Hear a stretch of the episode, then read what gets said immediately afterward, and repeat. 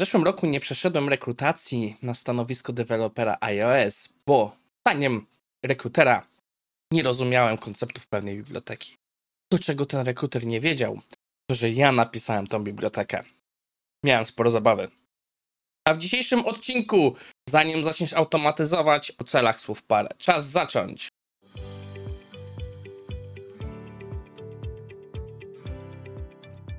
Cześć, nazywam się Maciej Wyrodek, a to jest IT Pool Special na 7 lipca 2023. I dzisiaj zrobimy sobie trochę coś innego, a mianowicie e, porozmawiamy sobie trochę o czymś, e, o czym często rozmawiam na prezentacjach i mówię, e, związanego z automatyzacją i ogólnie moim zdaniem z naszą pracą, e, czyli celach. Dlaczego o tym mówię?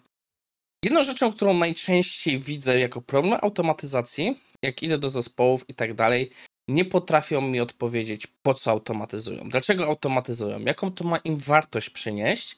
I to jest bardzo duży problem, bo e, bez posiadania celów ciężko powiedzieć, e, co mamy zrobić.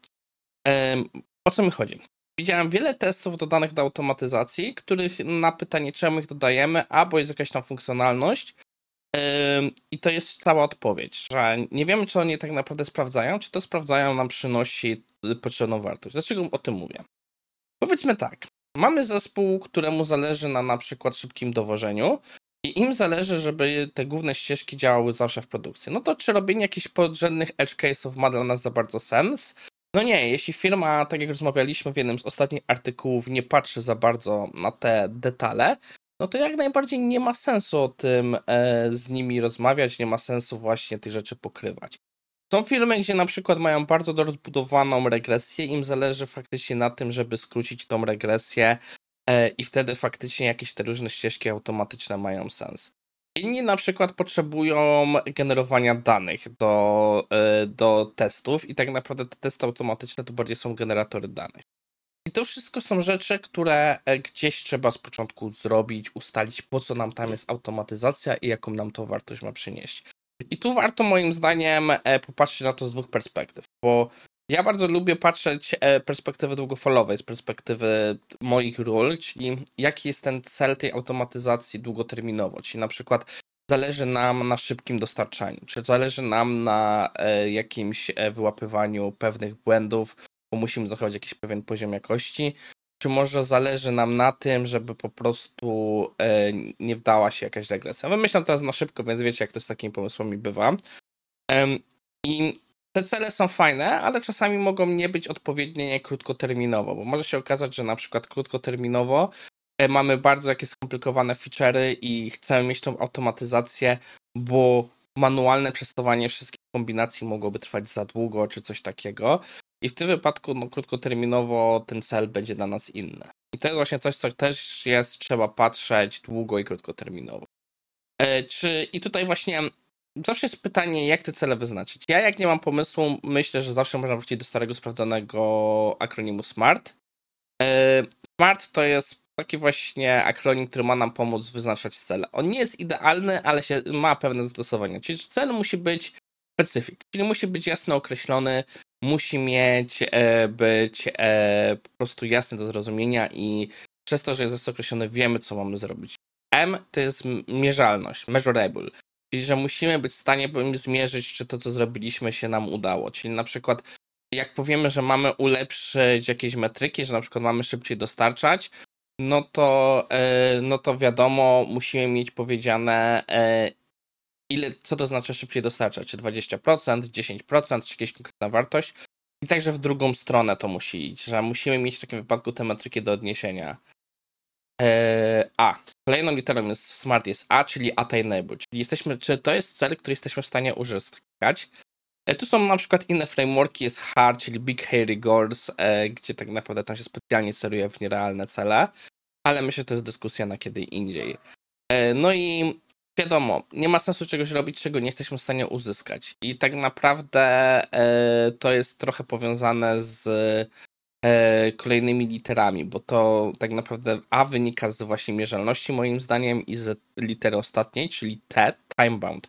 Czyli cel musi być w jakimś określonym czasie. To się właśnie sprawdza w takich, bym powiedział, krótkoterminowych celach, czyli jakie są nasze cele krótkoterminowe, a długoterminowe bardziej ja bym traktował to jako może Big Rock, North Star, czyli mamy naszą tą gwiazdą polarną, że na przykład to celujemy, co na tym nam zależy długoterminowo, to jest właśnie, że chcemy poprawić szybkość dostarczania i po prostu tutaj już możemy się nie bawić w jakieś konkretne metryki, bo te nasze niższe cele, takie właśnie e, kró, kró, krótsze, mogą nam to robić. Została jeszcze jedna litera, R, relevant. I moim zdaniem to jest litera, na którą najwięcej osób się wywala. To jest, to znaczy, jakiego grzyba my to robimy? Czy ten nasz cel, który ustaliliśmy, pomoże zespołowi, czy to jest coś, na czym zespołowi albo nam zależy? Bo jeśli coś nie będzie miało znaczenia dla zespołu, nie będzie ważne w jego obecnym kontekście, to nigdy na to czas się nie znajdzie.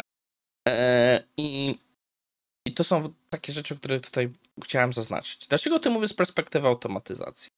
Zadajcie sobie pytanie, ile z was wie, po co automatyzujecie u siebie w zespole? Jaki jest cel waszej automatyzacji? Czy rozumiecie na takiej zasadzie, że wszyscy rozumiecie to ten samo?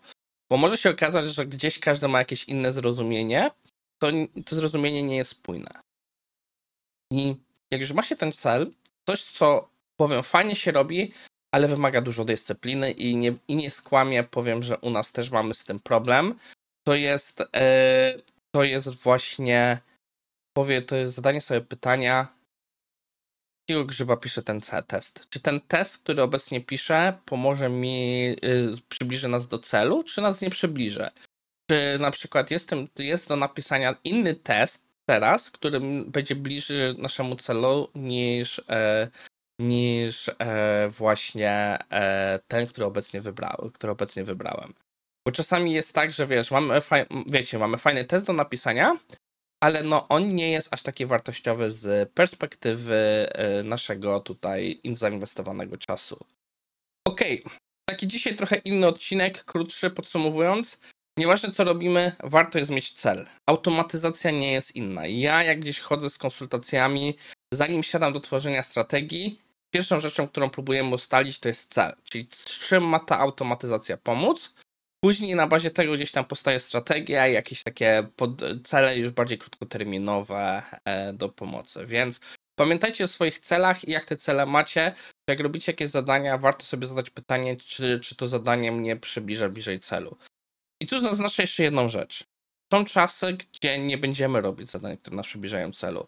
Na przykład e, powiedzmy, że jakiś ogólny maintenance zespole. Mamy po prostu jakieś jeśli mamy nasz cel na auto, naszym celem jest poprawienie automatyzacji, a testujemy od czasu do czasu ręcznie, no to wiadomo, to są zadania, które trzeba wykonać, ale one niekoniecznie nas przybliżają do celu, więc sugerowałbym tutaj nie iść tak, że 100% naszego czasu idzie w stronę naszego celu, ale bym się trzymał może zasady 60-40, że przynajmniej 60% naszego czasu powinniśmy inwestować w to, co nas przybliża do celów.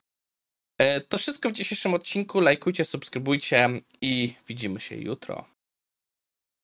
Nie, jutro się nie widzimy. Widzimy się w poniedziałek.